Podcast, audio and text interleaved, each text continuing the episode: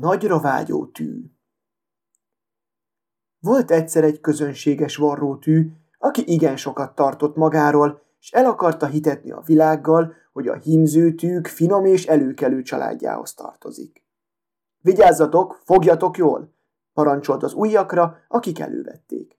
Nehogy véletlenül ejtsetek, ha a padlóra esem, soha többé meg nem találtok, olyan finom vagyok.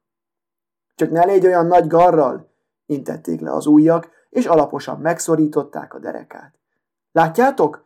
Kísérettel vonulok, kérkedett a tű, s büszkén húzta maga után a fonalat, amelyen nem volt csomó. Az ujjak ügyet se vetettek a dicsekvő beszédre, a szakácsné feslet bőrű papucsának irányították a tűt, azt kellett összefoldoznia. Micsoda alantas munka, finnyáskodott a tű. Ezen ugyan sose jutok keresztül. Ketté törik a dereka, meglátjátok, ketté törik. Úgy is lett. Megmondtam én, megmondtam, siránkozott a varrótű. Nagyon is finom vagyok.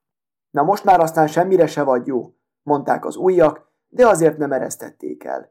A szakács népecsét viaszt csöpögtetett a tűre, aztán összetűzte vele elől a kendőjét. Hát meltű lett belőlem, emelte még magasabbra az orrát a nagyra vágyó tű.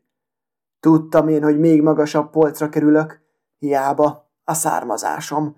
Bizony a vér nem válik vízzé. És elégedetten nevetett, de csak befelé. A varrótűkön sohasem lehet észrevenni, ha nevetnek. Olyan büszkén pöffeszkedett a szakácsné kendőjében, mintha aranyos hintóból tekingetne körül. Bocsánat, ha szabad kérdeznem, kegyed aranyból van? kérdezte a szomszédasszonyát egy szerény kis gombostűt. Elragadó a megjelenése, feje is van, igaz, hogy elég kicsi. Igyekezzék, hogy nagyobbra nőjön, mert pecsét viaszt nem akárkire csöpögtetnek ám. Azzal büszkén kihúzta magát, de úgy, hogy ki is esett a kendőből, egyenest a mosogatóvízbe, amit a szakácsné éppen akkor zúdított ki a szennycsatornába. Most világjáró útra kelek, mondta a tű. Ha ugyan meg nem feneklek valahol. De bizony megfenek lett. Nem erre a világra teremtettem én. Sóhajtotta a szennycsatorna alján. Túlságosan finom a lényem. Még szerencse, hogy tudom, ki vagyok, és ez mindig megvigasztalja az embert. És továbbra is büszkén feszített, és nem vesztette el derűs kedvét. Fölötte, a szennycsatorna vizében mindenféle limlom vitorlázott el, forgács, szalmaszál, újságfoszlány. Milyen gondtalanul úsznak, elmélkedett a tű. Nem is sejtik, ki fölött vitorláznak el. Megrekedtem. S most nincs tovább. Lám, ott úszik egy forgács, bizonyos, hogy mit sem tud a világról, csak annyit, hogy ő forgács. Ott meg egy szalmaszál. Mi, hogy pörög forog a vízben. Ne légy úgy elteve magaddal szalmaszál, mert még odavágódul a csatorna falához. Az meg ott egy újságfoszlány. Már régen elfelejtette a világ, hogy mit írtak rá, mégis lám, hogy terpeszkedik. Én meg itt ülök türelmesen és várok. Mert tudom, hogy így is vagyok valaki. Egy nap megcsillant valami a közelében, a tűgyémántnak hitte, pedig csak egy kis üvegcserép volt. De fényesen tündöklött, és azért a nagyra vágyó tű megszólításával tüntette ki, és mint meltű mutatkozott be neki. Kegyed gyémánt, ugyebár? kérdezte tőle ereszkedőn. Olyanféle vagyok, felelte az üvegcserép. Így hát mind a ketten magas előkelőségeknek tartották egymást, és ezért beszédbe is ereszkedtek. Arról folyt a szó, hogy milyen gőgös a világ. Én egy asszonyságé voltam, és egy dobozban laktam. Kezdte el élete történetét a tű. Az asszonyság szakácsné volt, a kezén öt ujjat viselt, de mondhatom, soha életemben nem láttam felfuvalkodottabb teremtéseket. Pedig hát nem voltak jók semmi másra, mint hogy engem kivegyenek a dobozomból és visszategyenek. És előkerül származásúak voltak azok az ujjak? Érdeklődött az üvegcserép. Előkelő származásúak, nevetett gúnyosan a nagyra vágyó tű. Azok ugyan nem, de persze annál gőgösebbek.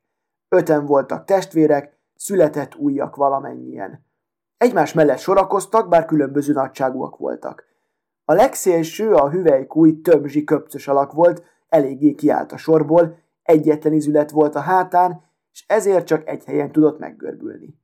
Mégis azzal kérkedett, hogy ha az embernek levágják a hüvelykúját, még katonának se sorozzák be.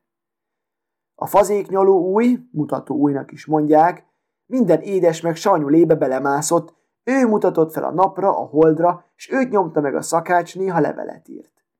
A középső új következett utána, ez volt a legnagyobb, és eléggé lenézte a társait.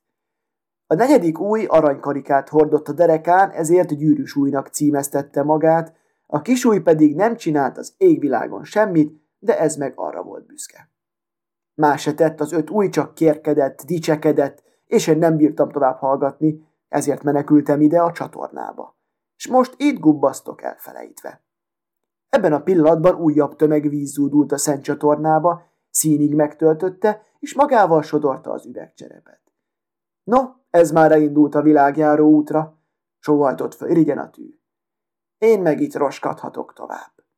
Hiába, nagyon is finom vagyok én erre a világra, de éppen erre vagyok büszke, és ez nemes büszkeség. Azzal tovább feszített a csatorna alján és elmélkedett. Sokszor már azt hiszem, hogy a napsugarak családjából származom, gondolta. Olyan finom és fényes vagyok, mint ők.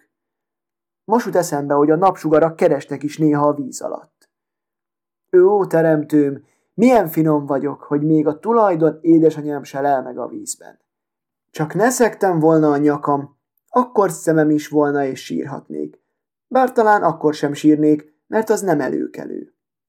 Egy napon utcagyerekek sereglettek a csatornához, belenyúlkáltak a vízbe, s limlomokat haláztak ki belőle. Rosdás szögeket, öreg pénzdarabokat meg egyebet. Piszkos munka volt, de hát ebben lelték a mulatságukat. Jaj! kiáltott föl az egyik, mert a tű megszúrta az ujját. Kihalázta, szemügyre vette. Ez aztán csúflegény. Nem legény vagyok, hanem kisasszony. Igazította ki a nagyra vágyó tű, de ezt a fiú nem hallotta. A tűről, amíg a csatornában hevert, lemállott a pecsét viasz, és testét feketére ette a rosda. De feketében mindenki karcsúbbat mutat, és így a nagyra vágyó tű azt hitte, hogy most még törékenyebb, még finomabb, mint valaha. Itt úszik egy tojáshéj, kiáltották az utcagyerekek, s a tűt beleszúrták a tojáshéjba. Fehér hajón, fekete ruhában. Ábrándozott el a tű. Illik a ruhámhoz ez a hajó. Így legalább észrevesznek. Csak nehogy tengeri betegséget kapjak, mert akkor eltörök. Szerencsére nem kapott tengeri betegséget, és nem törött el. A tengeri betegségtől megvédi az embert az acélgyomor, meg az a tudat, hogy sokkal különb a többinél. Most már nem fog rajtam a betegség. Minél finomabb az ember, annál többet kibír. Recs, mondta a tojáshéj, mert egy fuvaros kocsi kereke ment át rajta. Jaj, micsoda súly! kiáltott felméltatlankodva a nagyra vágyó varrótű. Mégis tengeri betegséget kaptam volna? Összetörök, jaj, összetörök! De mégse törött össze, pedig egy fuvaros kocsi ment keresztül a derekán. Ott feküdt a sárban, feküdjék is, időtlen időkig.